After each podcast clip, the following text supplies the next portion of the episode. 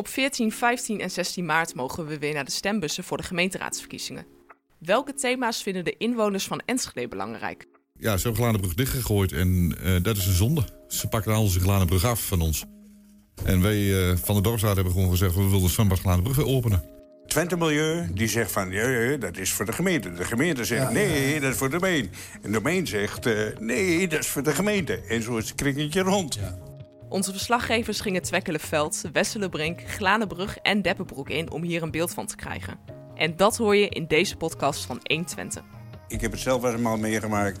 Dat gewoon rechts wordt ingehaald over, de, oh, over het fietspad. En de gekste dingen maak je mee. Maar ik geloof niet dat het iets van Zuid is. Ik geloof dat het in het algemeen is. Ja.